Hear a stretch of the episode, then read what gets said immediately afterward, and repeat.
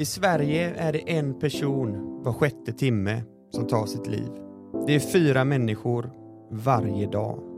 Av dessa är över 70 procent män. Det här är någonting som vi vill belysa. Det här är mänskliga tragedier som går att förhindra genom att vi vågar prata om detta tabubelagda ämne. Det är därför vi hörs här idag i en podcast som kan rädda liv. Varmt välkommen till Aldrig ensam-podden med mig, Charlie Eriksson. Och med mig, Erik Berg.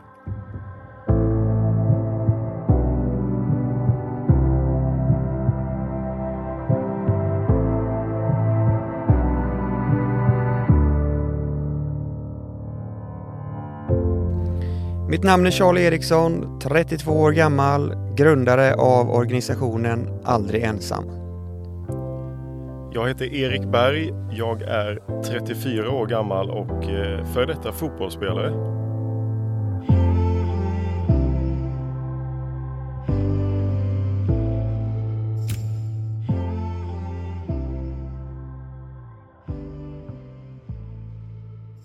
Stort tack till Mekonomen som gör det möjligt för oss att få fler att prata om psykisk ohälsa via den här podden. Besök gärna mekonomen.se eller någon av deras butiker. Tack Mekonomen!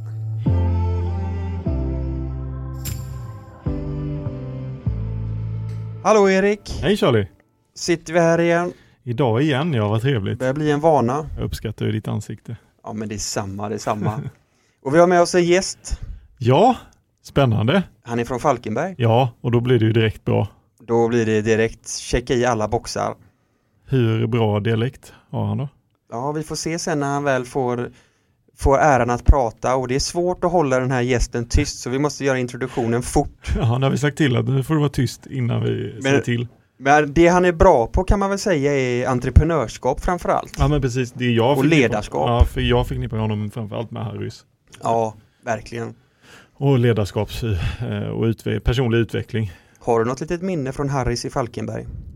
Nej, jag kommer inte ihåg så mycket därifrån. Det var väl, beror väl på att man var lite väl full kanske. Det kanske är ett bra minne nog. Det- Då har du haft kul Nej, men jag har ett minne faktiskt. Jag satt på uteserveringen på Harrys en gång och käkade lunch. Eh, och fotbollsspelare som jag är så hade jag ju tappat en eh, stortånagel. Satt där i ett par tofflor. Så började det bara, fan det började ont på, mm, liksom där, eh, på ett sätt som jag inte hade känt innan. Så vad fan tittar jag under?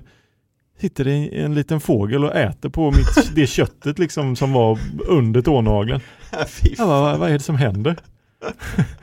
så det, ja, det är ett Harrys-minne. Det enda jag tänker på när jag tänker på Harris det är den här ostbutiken som låg jämte där jag tyckte att det luktade fan inne. Strömbergsost. Ja, jag har så himla svårt för ost och jag kommer aldrig, jag äter inte ost fortfarande.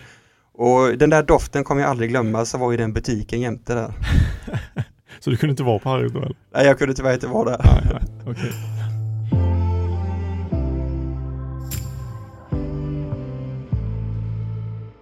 Men dagens gäst är ingen mindre än Magnus Helgesson. Han är en superentreprenör som startade sitt första företag redan som 12-åring. Vid 21, 21 års ålder nådde han sitt mål med livet, att bli miljonär.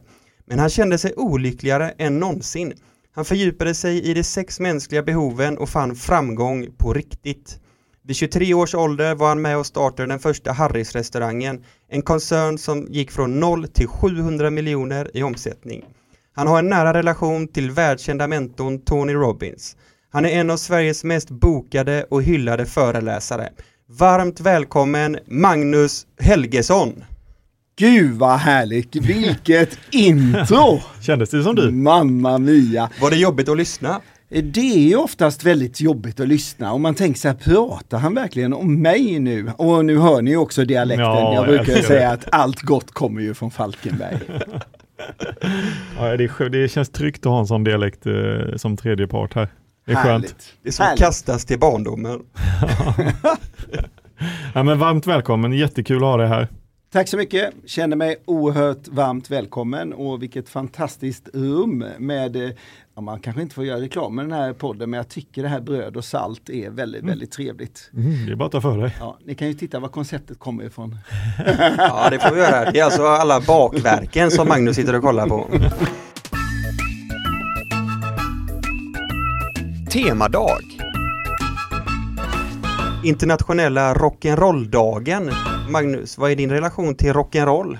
Oj, rock'n'roll, vad innefattas i det? Innefattas hård rock'n'roll i det? Mm. Eller mjuk rock'n'roll? Eller ja, vad är precis. det? Det är nog Det är en fri tolkning. definitionsfråga. Är det, fri, är det fri tolkning så har jag en god vän som heter Bruce Dickinson. Han eh, spelar i ett band som heter Iron Maiden. Eh, och jag har fått förmånen att jobba tillsammans med honom vid ett par tillfällen och det har varit fantastiskt.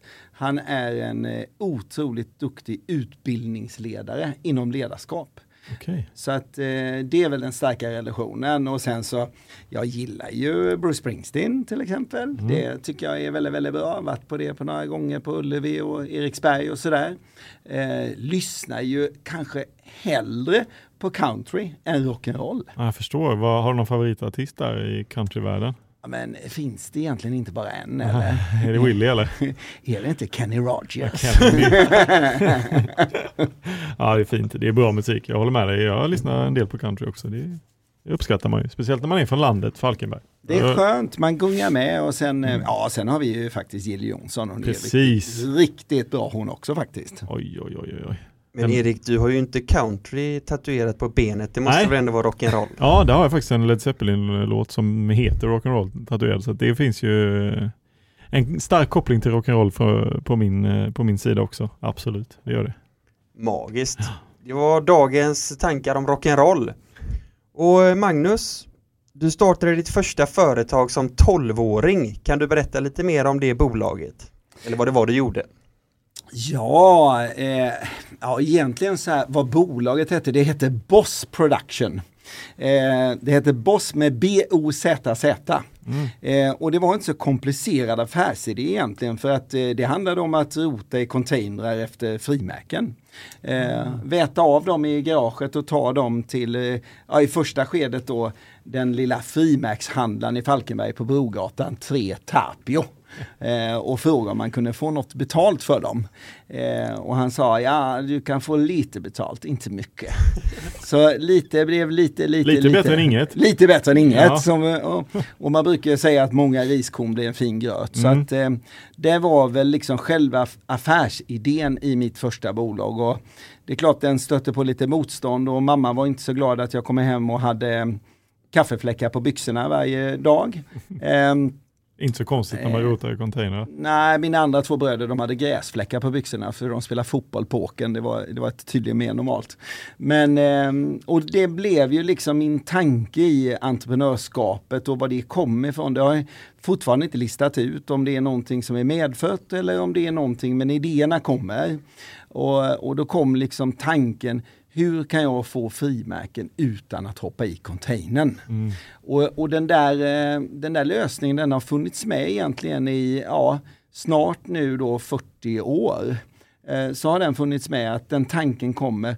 Men vänta lite, hur kan jag vända och vrida på detta? Jo, jag kan ställa en fråga som jag redan vet svaret på. Så om jag ställer en fråga till då tanterna i växeln då på kontoret på SCA. Eh, eh, det hette Mölnlycke då, sen hette det SCA och sen så hette det SCT. Eh, som jag frågade frågan, eh, dricker ni kaffe på det här företaget? Och det svaret visste jag ju. Svaret var ju ja. Eh, och de svarade ja. Kostar det någonting att dricka kaffe? Det kostar fem kronor att dricka kaffe. Man lägger pengarna i kaffekassan. Men om ni får kaffe av mig kan ni lägga alla brev med frimärken på som kommer från hela världen. I de här sopsäckarna så hämtar jag det på fredagar. Och det blev ju en bra start för mig för att jag köpte kaffe det året i bolaget för styvt 6 000 kronor och sålde då frimärken för 86 400 kronor. Och det var ju en eh, bra start på, på ett litet bolag då när man är 12 år. Och det var 12 år då ja. ja. Ja, så det, det, ja, men, och, och sen har jag använt mig faktiskt väldigt mycket av den retoriken. Men då, då måste vi fråga den här frågan så vi vet svaret på. Mm. Och det har funkat väldigt bra. Men den här frågan du ställer dig eh, kring entreprenörskapet och var det kommer ifrån. Ja, Ja. Det är svårare att hitta ett svar på. Nej, men jag, Fick jag, du stöd från runt omkring dig? Hade du människor som Absolut stödde inte. dig? Absolut inte. Nej, du var din Nej. egen ö? Absolut inget stöd överhuvudtaget. Inte föräldrar, familj? eh, Absolut inte. Eh, utan det, det, mina föräldrar, min pappa jobbade som bilskollärare Mm. och i 17 år och min eh, mamma jobbade i växeln på kommunen. Ehm, och en eh, 20 styvt år senare så, eh, så sa de upp sig och, och blev entreprenörer och det var fantastiskt. Mm. Men eh, nej, inget stöd i det liksom, utan mer det här mentala stödet när jag liksom hade satt upp eh, rationella mål, eh, som till exempel det som ni nämnde då, att bli miljonär utifrån en förebild som heter Jonathan Hart som spelar då huvudrollen i en dokuserie som gick på tv för då snart 40, styvt 40 år sedan. Mm. Eh, där man skildrade en person som eh, var miljonär och det han använde sitt miljonärskap till, det var att hjälpa andra människor. Eh, och det hade jag inte eh, placerat in riktigt, för jag hade inte förstått psykologin bakom. Eh, så att eh, när jag fattade mitt beslut så visste jag väl inte egentligen vad det var. Nej. Nej. Eh, och sen så, så stötte jag på motstånd av lärare när jag gick i skolan och berättade att jag skulle bli det här. Och det sa de att det kommer du aldrig bli. Din mamma jobbar i växeln på kommunen, din pappa är Aha. bilskollärare, du kommer aldrig bli miljonär. Vad intressant det där igen då. Ja. Eh, Väldigt mycket liksom jante och sen Ja. så eh, i det sammanhanget också liksom när tioöringen trillar ner och jag liksom hade hållit på med alla de här grejerna, rota i container och sälja jultidningar och det började gå över till sommaren, vad ska jag sälja liksom? Ja, men jag måste göra någonting, jag måste köpa någonting och sälja på stranden och köpa något för 25 öre och sälja för en krona och det kan bli bra om man gör det många gånger och ja, sådär. mm. Så hade jag ju liksom fått ihop 131 kronor och 25 öre. Och då kom jag ju på för första gången i mitt liv att man ska ha en miljon sådana en kronor för att vara miljonär. Så det var ju total meltdown, alltså jag bröt ihop totalt och liksom tappade ju nappen totalt. Sitter på, hemma på sängen och gråter och min mamma kommer och säger vad, vad är problemet? Man ska ha en miljon sådana här för att vara miljonär. Och hon bara liksom, han har inte fattat någonting. De har ringt ifrån skolan och klagat för han går omkring och säger att han ska bli miljonär, han vet inte ens vad det är. Men då fick jag liksom en, en, en, eh, en mental styrka genom hennes liksom ordspråk att det finns bara en skillnad mellan vinnare och förlorare. Och då sa jag, vad är det? Säg det för jag behöver veta det nu. Och då sa hon, ja vinnare ger aldrig upp. Och jag har inte gett upp en enda gång sedan dess. Och det tror jag liksom, det, det hjälpte mig så mycket på vägen. Liksom. Mm. Vad var det första du gjorde när du fick en miljon? Eh, det första jag gjorde det var att börja göra av med pengarna. För att jag blev jätteledsen. Eh, så jag gjorde av med 690 000 kronor på eh, ungefär två år. Eh, och göra det där som man ska göra i, i livet, ni vet. Varför blev du ledsen? Eh, för jag förstod inte varför jag inte var världens lyckligaste människa. När man hade fått det här målet, nått Ja, det här nu- målet med nu- pengar? Och, nu har jag ja, det. Ja. Ja, nummer ett så hade jag inga vänner. Det kan jag ju börja med. Mm. Och, och utan goda relationer och vänner i livet så är ju inte livet värt så mycket. Eh, det är ju tillsammans som vi gör saker och ting och tillsammans är faktiskt ett av de allra viktigaste orden som finns. Och som vi har. Så att, eh, nej, då börjar jag spendera eh, pengar. Eh, börja bjuda vänner på saker och ting och gjorde det där som man ska göra, ni vet. Nya Zeeland, Australien, USA, båtluffa i Grekland, eh, åka till Indien, hålla käft och ja, Mm. se vad som händer i huvudet. Mm. Eh, alla de grejerna. Så att eh, eh, jag gjorde av med ganska mycket pengar och bjöd mycket eh, och, och kände att det blev en lättnad. Du säger att relationer är det viktigaste men hur gör man för att skapa relationer och framförallt utveckla och vårda dem? Ehm, ja men det du sa på slutet var väl, eh, var väl rätt svar på frågan egentligen. Eh, att vårda relationer. Att faktiskt eh, sätta relationen i första rummet. Och ehm, då måste man ju också kanske ha en klar bild.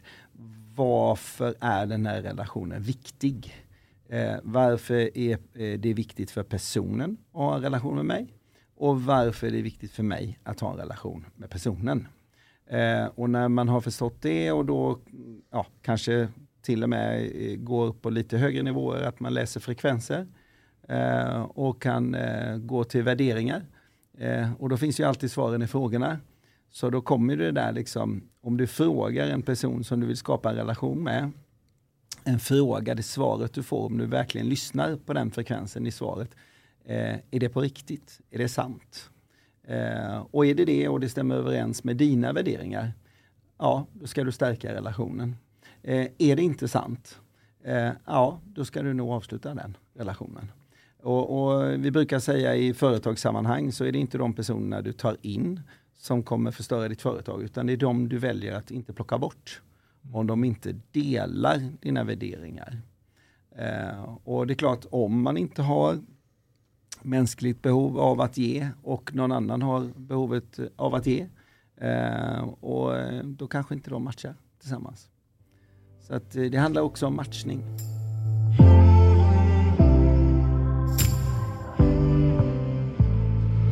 De här sex mänskliga behoven som du upptäckte, eller vad man ska säga, som du lärde dig mer om för att finna framgång på riktigt.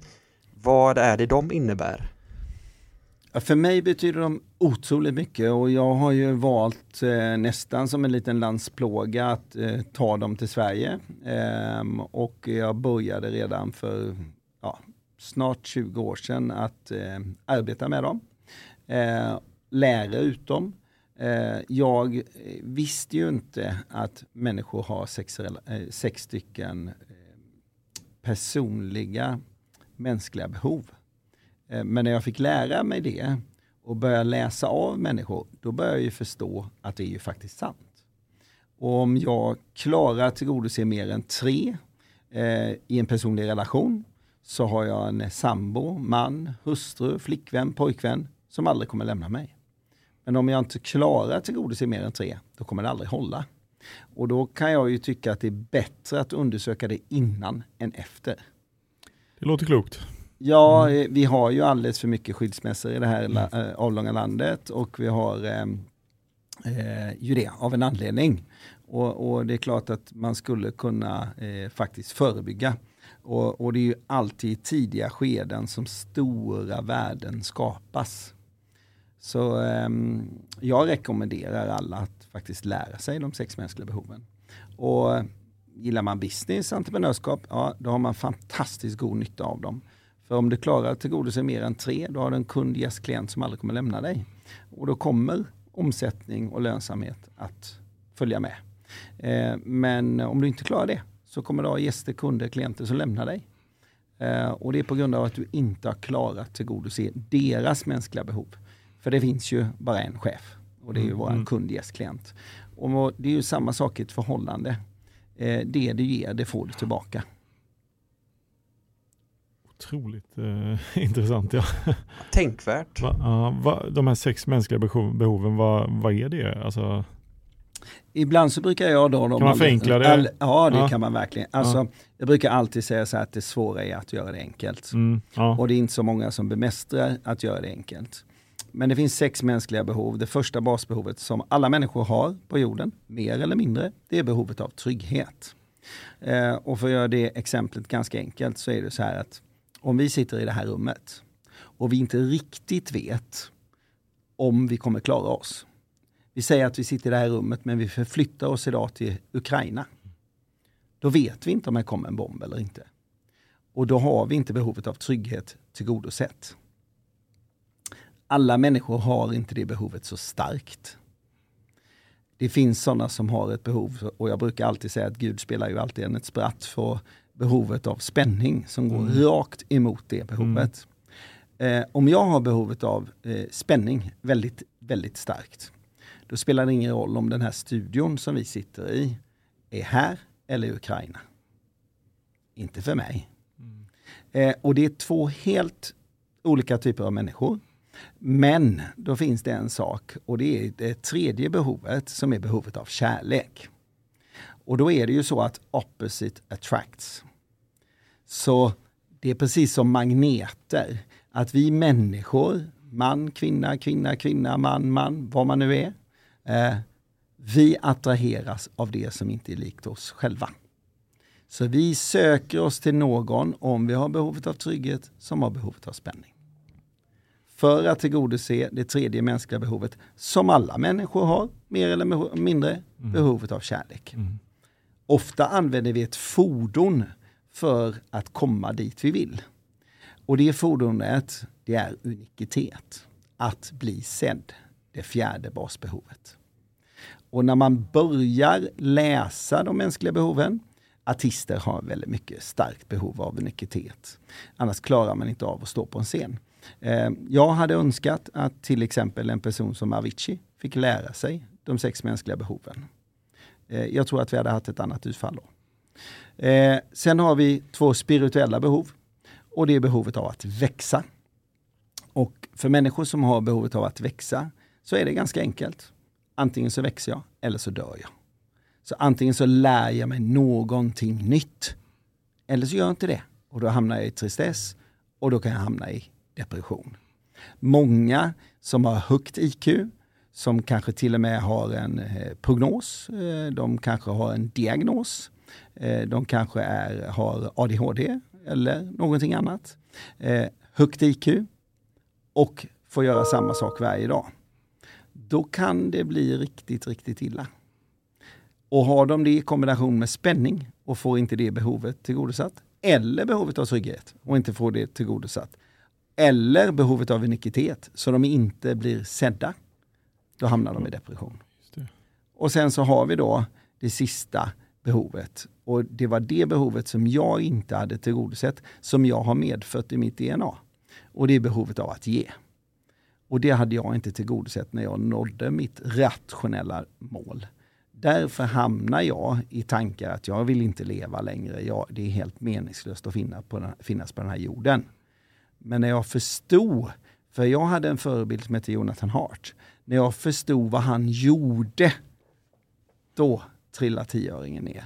För, när du hade fått din första miljon där och du började känna att du mår dåligt, och, hur, hur lång tid tog det där innan du började ta, liksom, söka varför? Eller? Det kom direkt. Eh, det kom mm. så här, eh, det kom som ett slag i käften. Mm. Att livet är totalt jävla meningslöst. Det är liksom, du fick din miljon, dagen efter bara... Det är bara small, ja. direkt. Mm.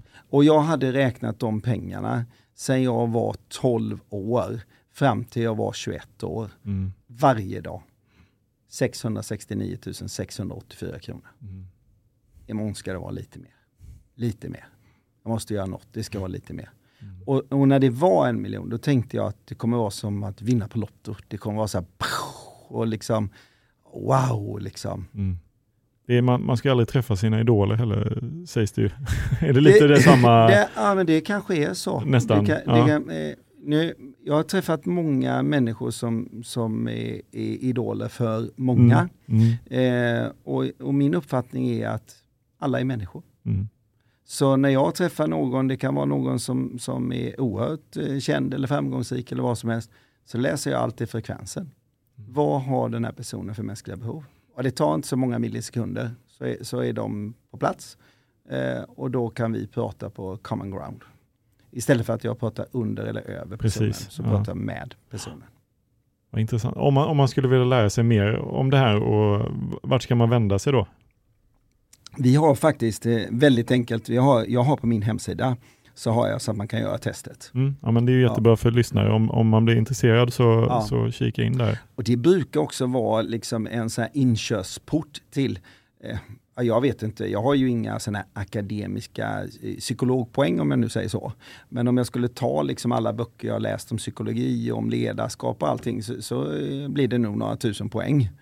Eh, så, så liksom, men detta är faktiskt det som är revolutionerande för mig och det som gör att man kan tolerera saker och ting som händer. Någon beter sig illa mot dig.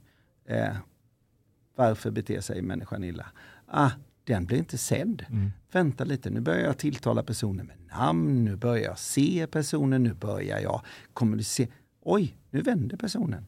Nu beter den sig illa med det längre. Mm. Och när man använder den här eh, verktygslådan så blir det liksom lite enklare att leva. Mm. Ja, det förstår jag verkligen alltså. Vilka verktyg krävs för att vara sin egen mental, mentala coach? Det vill säga, vad är kompetens kontra attityd och inställning? Ja men det är bra, jag tycker det är en eh, väldigt bra formulerad fråga. Vi, vi har ju haft eh, ett antal event där vi utbildar i att bli sin egna mentala coach. Och vad det egentligen bygger på, det är att jag har träffat så många människor som har gått till psykolog. De har varit hos psykolog i fem år. De har varit där varje måndag klockan 11 till klockan 12 och allt vad det är. Och de har betalt en massa, massa, massa pengar. Men de har inte fått koden. Så de har inte fått det verktyget som de behöver. De har inte fått den mentala coachingen där de själva ska ta ansvar för sin egen utveckling. Så att de själva ska kunna svara på frågan. Och de har framförallt inte lärt sig tolkningsprogram. Och, och det är för mig helt obegripligt att man inte lär ut tolkningsprogram. För vi kommer ju agera utifrån vår gamla karta om inte vi har lärt oss hur vi ska tolka saker och ting. Och det, ju, det är ju aldrig händelsen i sig utan hur vi väljer att tolka händelsen som har betydelse. Och om vi lär oss tolka den, ja då går vi också förbi det som är hela känslospektrat. Alltså vi slipper handla i att vi gör handlingar som vi ångrar efteråt. Mm. Och vi bryter mönster och vi går rakt till vår nya, mogna, vuxna karta. Och är inte 0 till 7 år och sitter i sandlådan och har fått en kattepiller slagen i huvudet, som jag brukar göra som en jämförelse. Mm. För det är så, jag sitter med företagsledare, de har tusen anställda, jag har koncernchefer, de sitter och gråter och så bara, vad, vad lipar du för? Ja men det är så här och så här, ja, men det är ju inte sant. Va? Nej, de är sju år, de är nere i sandlådan. Det har ingenting med deras marknadschef eller HR-chef eller någonting att göra, utan det har med dem att göra. De har inte lärt sig tolkningsprogram. Så lär man ut tolkningsprogrammet och så tolkar de allting helt annorlunda och säger, fasken vad bra att HR sa det här till mig. Nu ska jag se till att hon eller han får beröm för det här istället. Bra!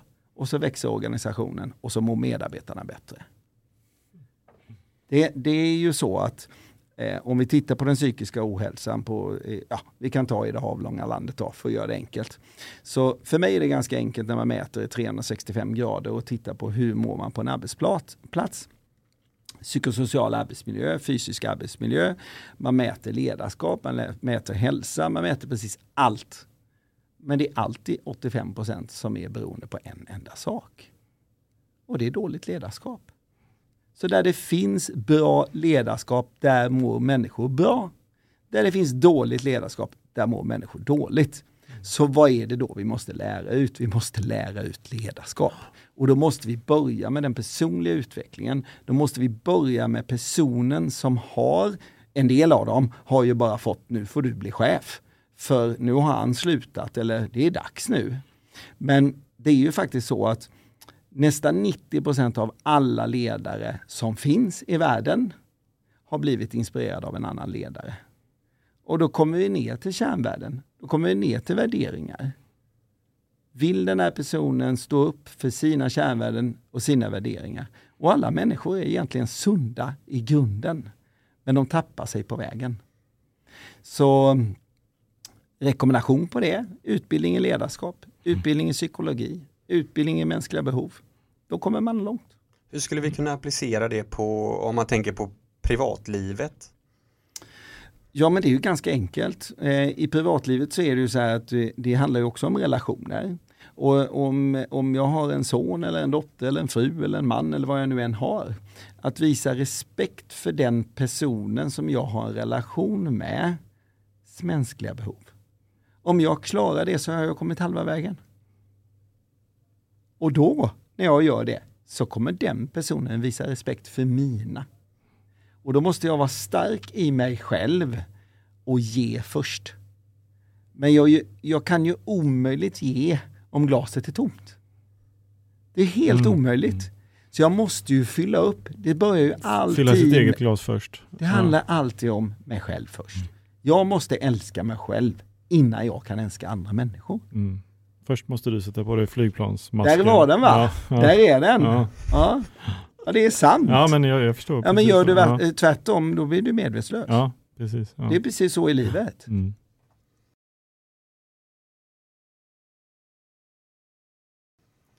Vad gör du för att främja din egna psykiska hälsa och är det något speciellt du behöver för att må bra mentalt?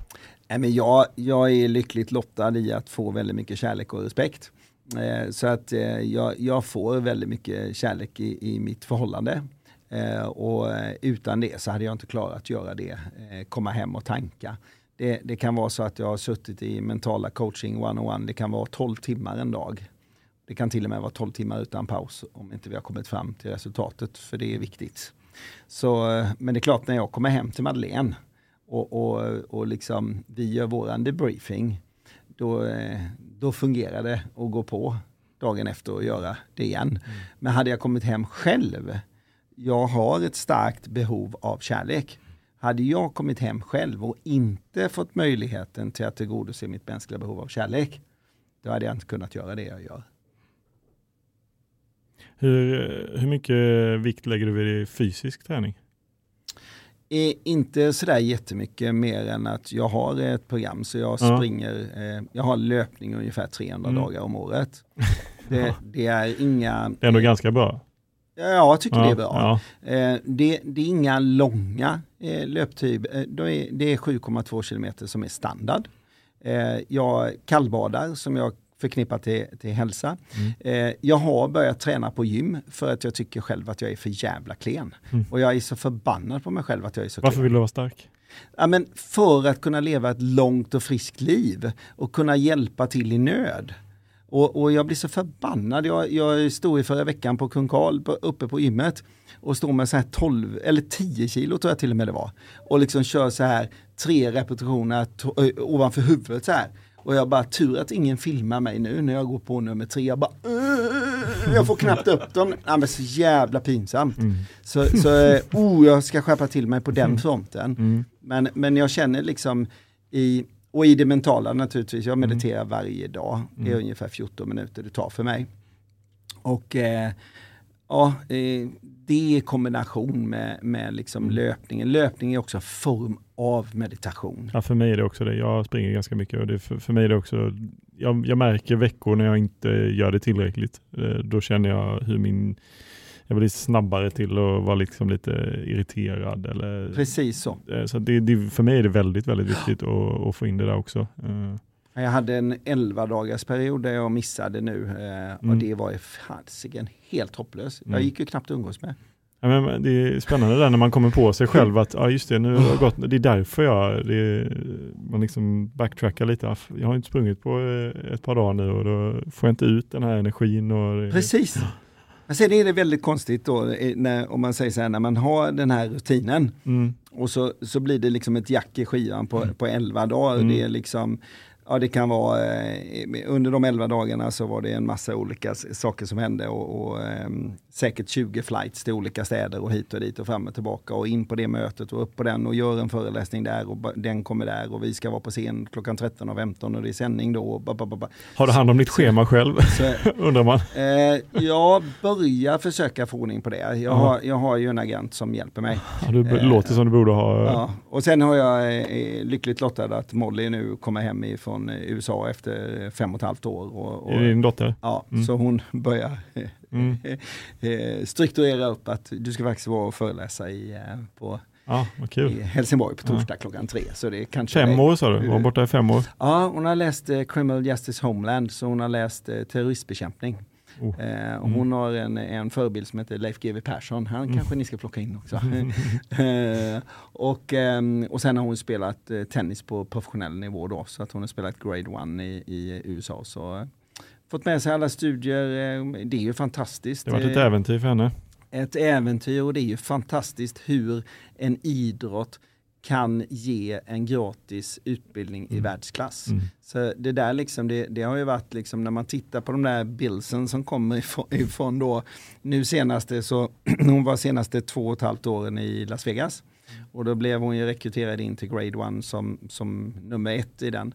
Och då såg man ju den där liksom, jag väntar lite, 69 000 dollar för en säsong. Eh, allt ingår, det är boende, det är mat, det är utbildning, det är allt. Och så bara 69 000 och så bara discount 69 000 dollar. Man bara, hon får alltså 69 000, 690 000 mm. i rabatt för mm. att spela tennis. Hon är duktig på tennis. Ja, men det är ett jävligt coolt system. Jag, jag, jag är grymt imponerad över det. Ja, det är många som inte hade fått en utbildning säkert. Eh, på något annat sätt. Ja, men den här mm. utbildningen, vi hade inte kunnat köpa liksom, den här mm. utbildningen och betala liksom, det är, ju, det är x antal ja. miljoner om mm. året mm. för att faktiskt få den här utbildningen. Då. Mm. Men det är, det är kul att hon har gjort det, det var fantastiskt. Ja, häftigt. Saknar du henne när hon var borta? Det gjorde jag, men mm. det fanns ju faktiskt en sak som har räddat upp och det är tekniken som accelerator. Mm. Eh, vi pratar på WhatsApp varje dag. Mm. Så varje dag ser man varandra och sen var jag över x Mycket, antal ja, gånger då. Både jag och min fru, vi, mm. vi älskar USA liksom och, och det Nu börjar det bli lite farligt att leva där men eh, det är en annan sak. Det är lite tråkigt, eh, utvecklingen som sker. Mm.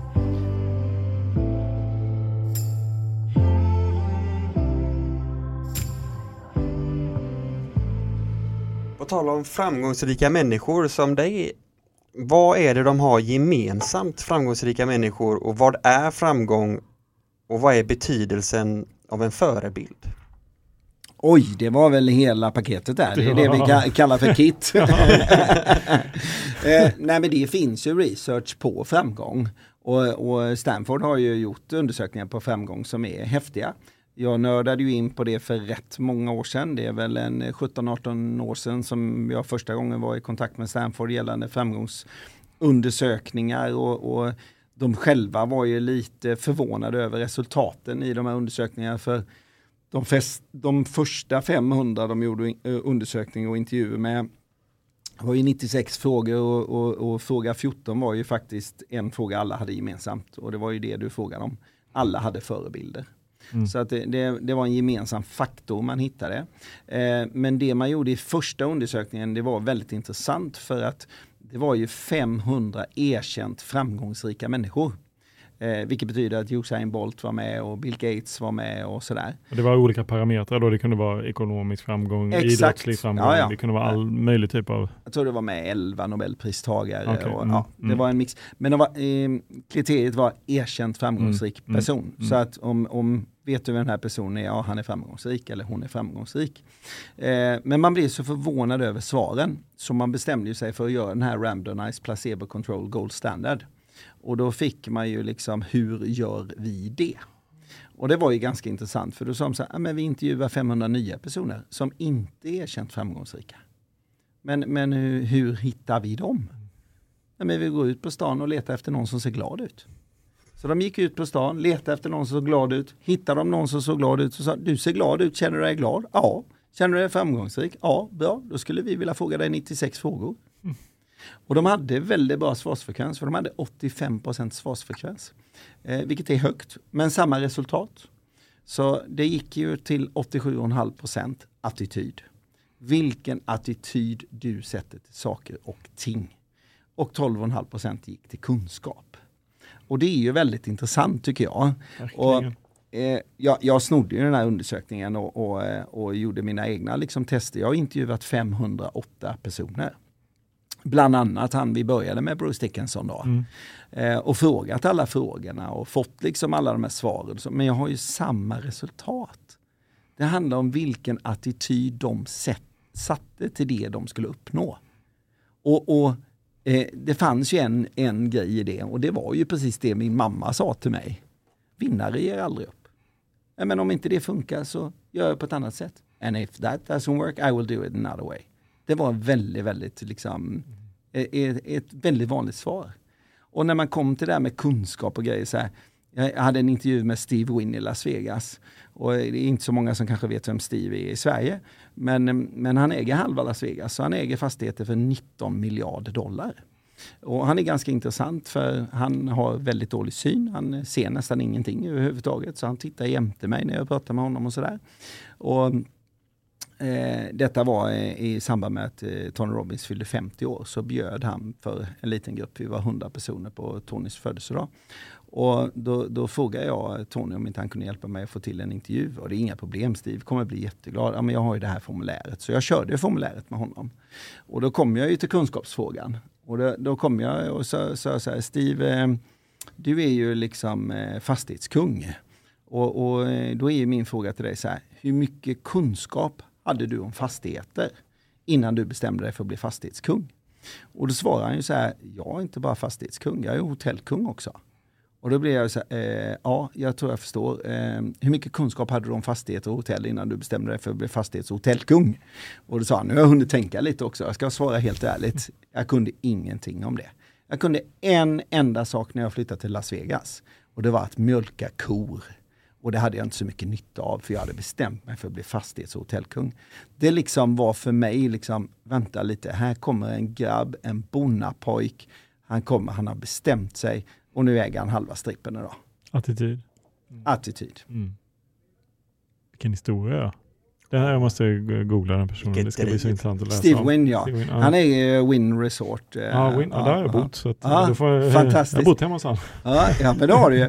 Han byggde faktiskt om eh, entrén och gången in där för 500 miljoner dollar. Är den byggd. Så det är ju någonting sådär sinnessjukt som man inte ens kan ta på. Man, man kan inte ens förstå det. Men alla vattenfall och allting Mm. och alla samarbeten med ja, de, de, eh, mest, eh, de största varumärkena i världen är representerade i hans hotellentré. Ja. Men då hade han bestämt sig att Ja. han ska dit dem. Så att han sa, jag vill ha en butik där du kan köpa en Ferrari i butiken ungefär som du köper ett mjölkpaket. Jag vill ha en butik där den där Patek Philippe-klockan finns som du inte kan få tag i. Den kan du köpa här. Jag vill ha en butik där det finns en Rolex där du kan köpa den direkt över disk som inte finns någon annanstans i världen. Jag vill ha en Louis Vuitton-butik där du kan köpa Live och så Gucci och Prada. Och så tog han alla varumärken. Alla de finns där i den Mm. korridoren. Men han byggde allting för dem gratis. Välkommen att flytta in. På tal om Tony Robbins där, kan du berätta lite mer om vem det är för de som inte vet och även hur det kommer sig att ni har en relation? Nej, men det är väl så här i, i Sverige. Nu börjar Tony bli lite grann mer så här att folk vet vem Tony är och så där när man frågar.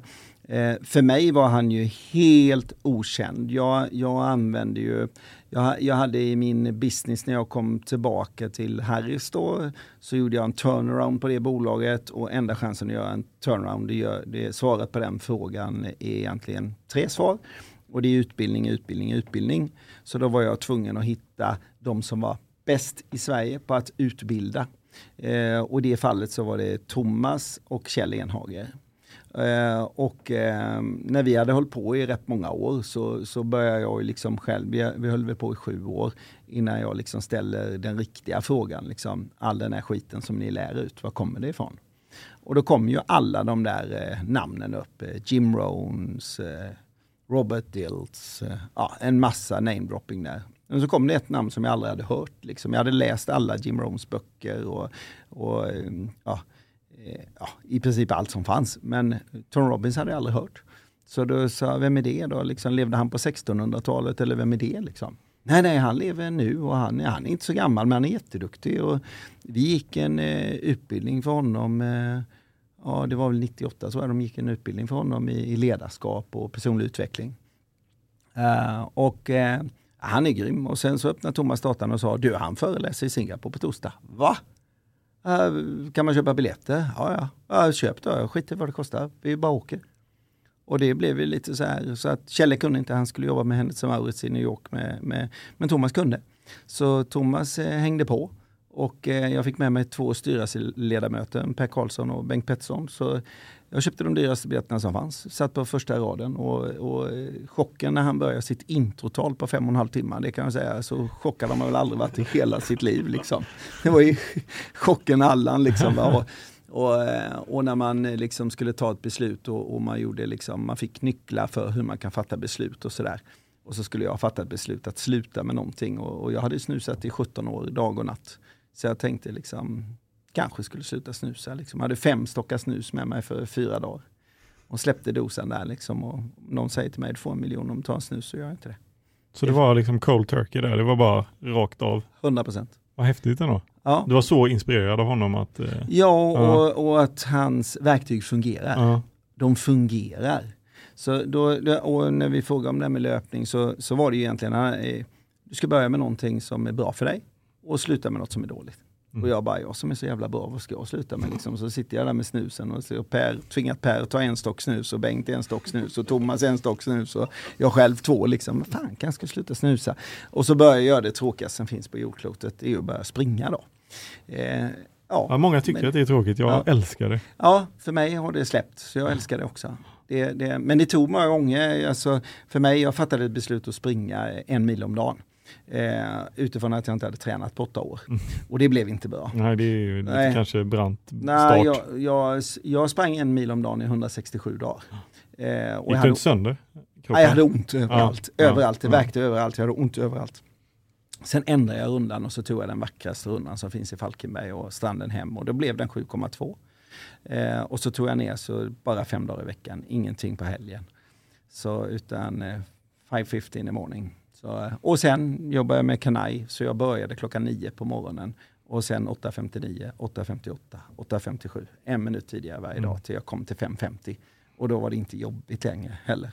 Men det var också Dr. Demings teorier som, som jag liksom hade plockat upp i, i hans eh, teorier om att lite bättre varje dag. Constant and never ending improvement. Aha, okay. Så det, det, var ju, han presenterade ju för eh, Chrysler för 30, styvt 38 år sedan eller någonting sånt där. Eh, och de bara skrattade åt honom. Eh, men han åkte till Japan och presenterade för Toyota, de skrattade inte lika mycket. Mm. Så de, de använder den modellen varje dag. Eh, väldigt, constant improvement. Ja, uh, Kanai. Constant, ja, den hette ju Kaizen från början. Ah. Eh, eller den hette Kanai från början, men de döpte om den för de gillar inte amerikanska förteelser.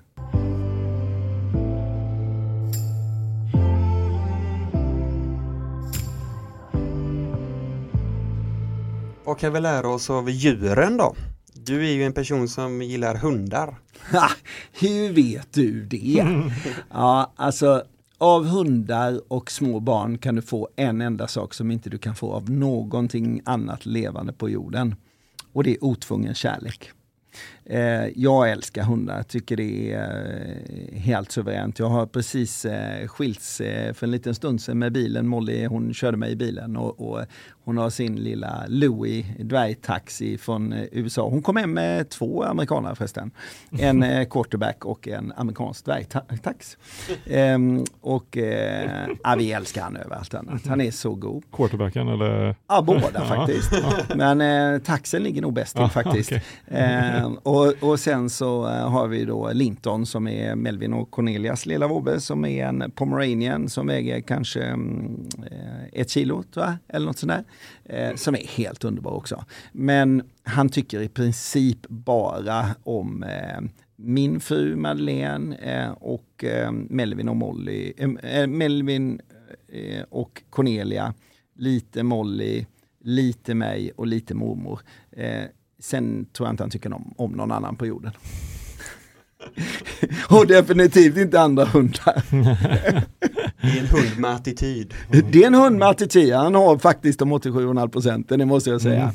Mm. Fantastiskt. Alltså hundar ger väldigt mycket kärlek. Det, och det, det, kan vara till väldigt mycket hjälp i ensamhet och sådär. Jag har faktiskt varit i, i one-on-one coaching där jag har rekommenderat att eh, personen i fråga ska skaffa hund. Och, och, det har personen av någon underlig anledning litat på mig och gjort. Eh, och fått mycket högre livskvalitet i sitt liv.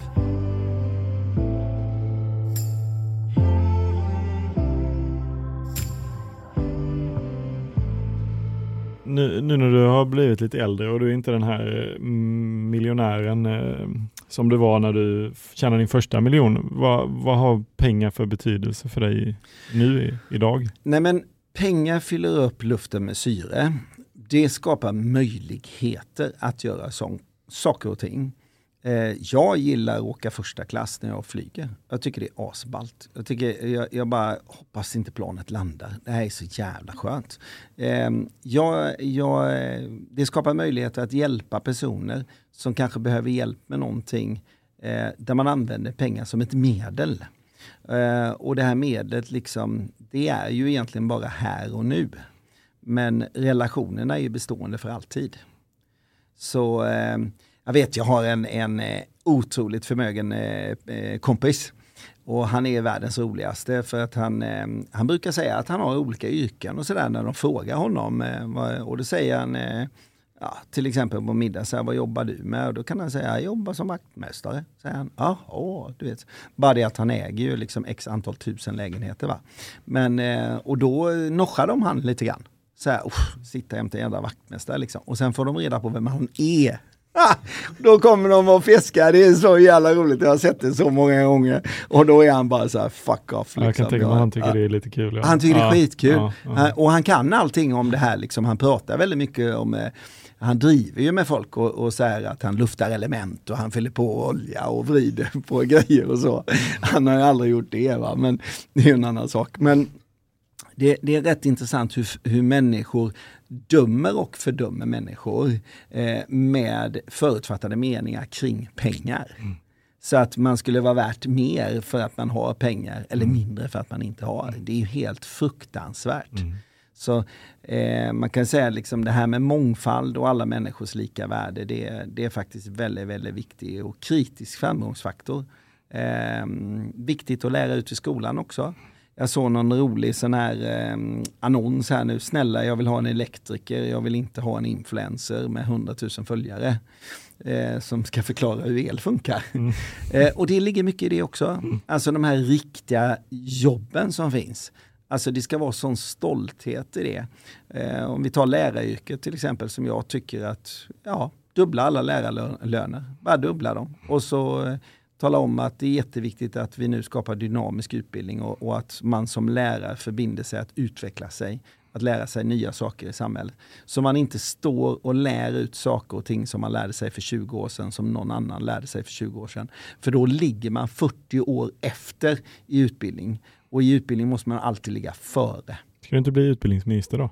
Det skulle faktiskt kunna vara någonting. Ja. Det var någon som sa det någon gång att du borde bli politiker. Jag får börja fundera mm. på det nu när du ändå sa ja, det. Ja.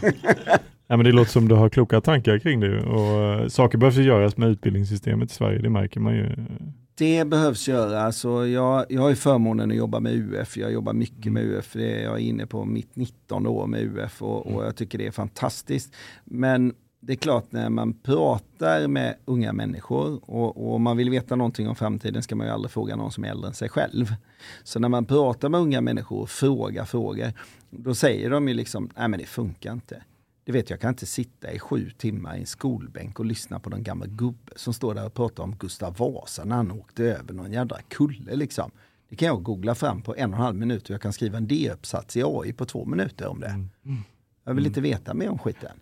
Och vi måste ju faktiskt se framåt mm. och inte bakåt. Vi brukar ju säga att det finns en anledning att framrutan är lite större än backspegeln. Mm. Det där var fin. Klok det har jag aldrig hört. Nej, men den är fin. Och UF är ju alltså ungt företagande som man har på skolan. Jajamän. Mm.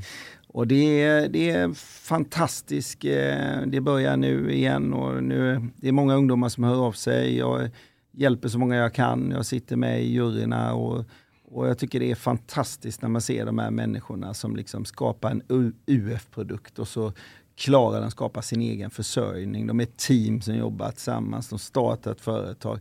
Man träffar dem fem år senare, då är de 20 anställda och de kämpar och någon gång kommer det ett samtal emellan. Du, hur skulle du ha gjort i den här situationen? Jag skulle ha gjort så här och så här. Men du gör så. Så kommer det ett samtal till ett och ett halvt år senare. Du, vi gjorde som du sa, nu är vi 40 anställda.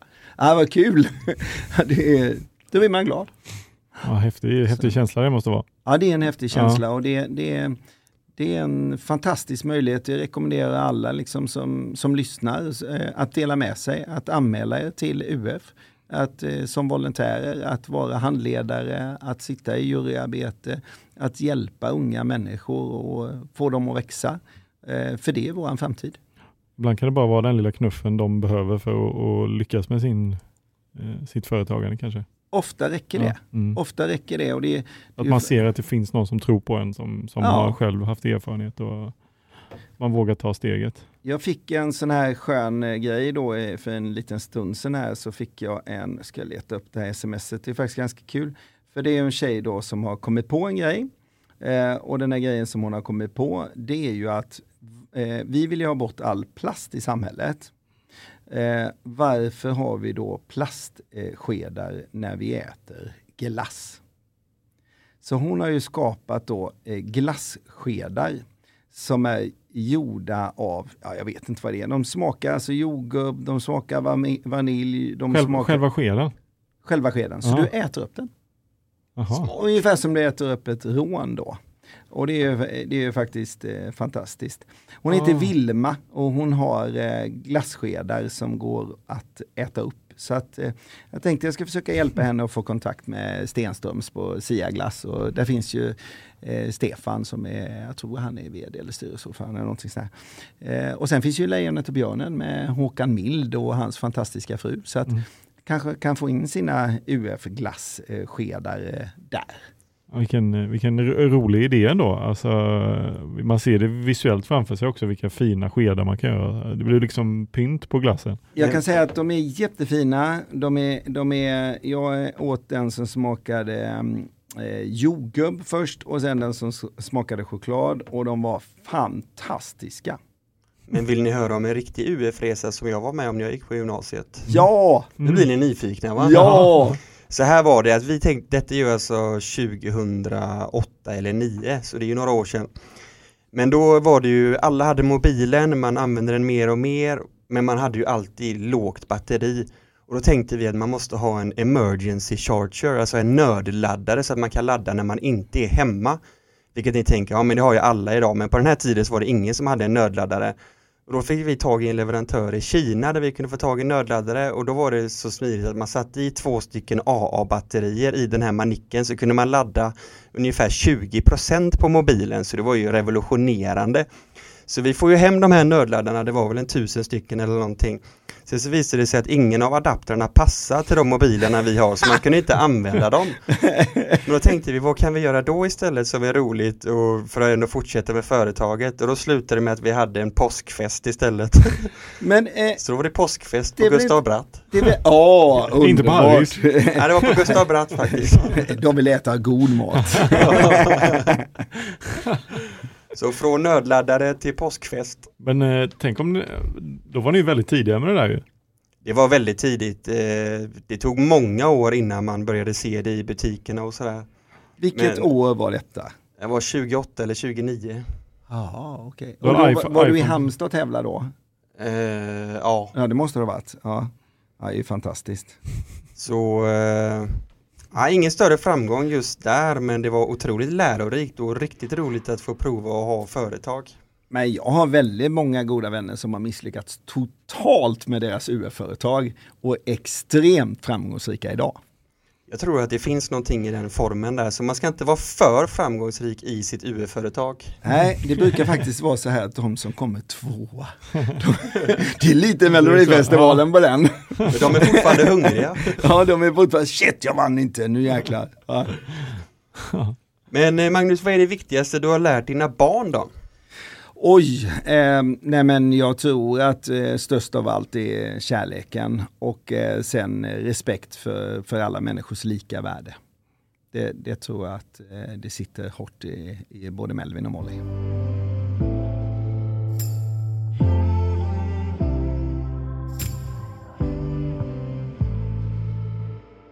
Och en lite lättare fråga då. Varför har du alltid keps? Eh, ja, den är ju ganska enkel faktiskt. Det var ju på Svenssons uroptik i, i Falkenberg då, Fredrik Svensson som jag var inne och testade för att min fru sa att jag behövde skaffa glasögon. Eh, och det har jag ju påtalat många gånger när jag satt och tittade på den här flygbiljetten. Hon knackade mig på armen och sa du måste skaffa glasögon och sa nej det behöver inte jag men var landar vi någonstans? Så eh, då var jag inne och gjorde syntest och, och det var en fantastisk kvinna, optiker där som eh, jag hade svårt att läsa och det var burrigt på den här. Jag har en tårkanal bara så att jag är född utan den andra. Eh, och eh, därför blir det problem när jag gråter så det försöker jag undvika. Eh, men då satte hon faktiskt handen över eh, pannan på mig så att det blev som en keps. Och så sa hon nu då, ja nu ser jag texten, jag rekommenderar att du använder keps. Så jag är ganska ljuskänslig för, för ljus uppifrån. Okej. Eh, så den åkte på, det är väldigt många år sedan nu. Så den sitter. Men du klär i keps. Tack så mycket.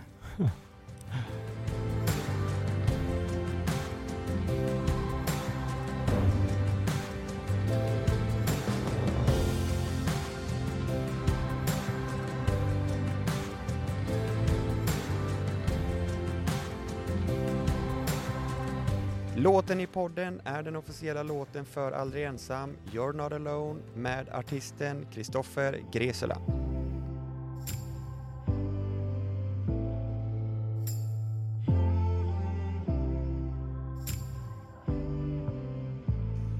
Du kan väl bara i korta drag säga vad du lärde dig av att starta och driva Harris? Eh, jag lärde mig väldigt mycket. Eh, jag lärde mig att det handlar om människor. Eh, I slutet när jag själv sa upp mig från min egen arbetsplats och gick rakt ut genom dörren. Eh, jag gick in för att göra turnaround eh, den 30 maj och gick ut den 30 maj tio år senare. Och då helt plötsligt så var det 2013. Ehm, då ehm, fick jag med mig att det handlar om människor. Det handlar om relationer. Ehm, alla Excel-arken har ingen betydelse. Alla resultat och balansräkningar har ingen betydelse. Hur många miljoner liter öl vi köpte in, sålde, eh, vad vi la för indexuppräkningar och inkuranser på det har ingen betydelse. Hur många 100 000, 274 430 hamburgare som vi sålde det året har ingen betydelse. Utan det är människorna och relationerna. Så um, oerhört tacksam över den eh, lärdomen och de goda vännerna som jag fortfarande har i 46 städer i Sverige och ett par städer i Thailand och faktiskt några i Singapore också. Det känns som att relationer är väldigt viktigt för dig. Det är det absolut mm. viktigaste. Mm. Och ärlighet, tillit, transparens. Att man har tillit. Jag lärde mig eh, och fick vara, ja nu ska ni ha Ulf Maso här och han får väl berätta vad vi lärde oss på Leadership Master i, i San Diego när vi var på Hells Week eh, med Navy Seal, Team 6. Och um, det är klart att det allra viktigaste ordet för dem är tillit. Mm.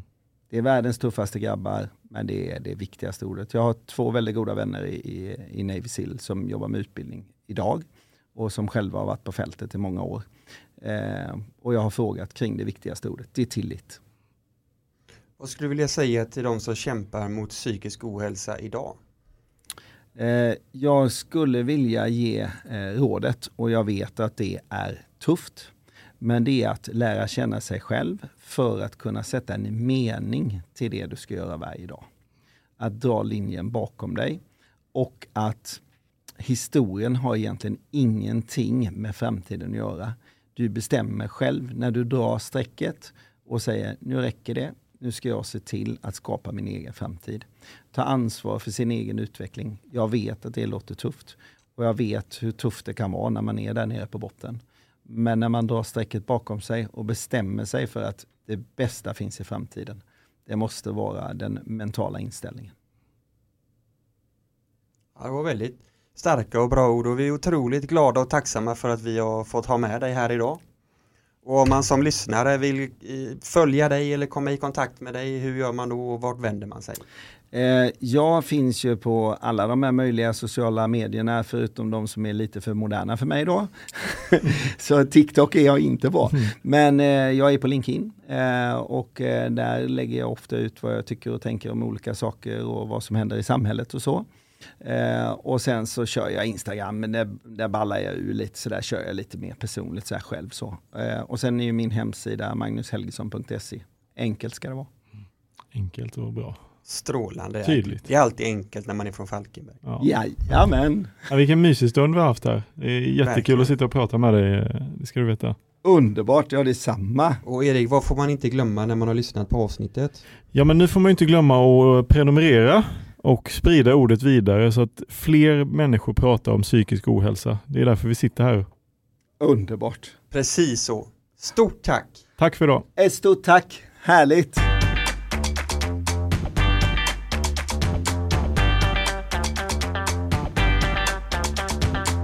Karina Bergs visdomsord. Den som väntar på något gott har tråkigt. Och det är inte så dumt, för då märks det mer när man har kul.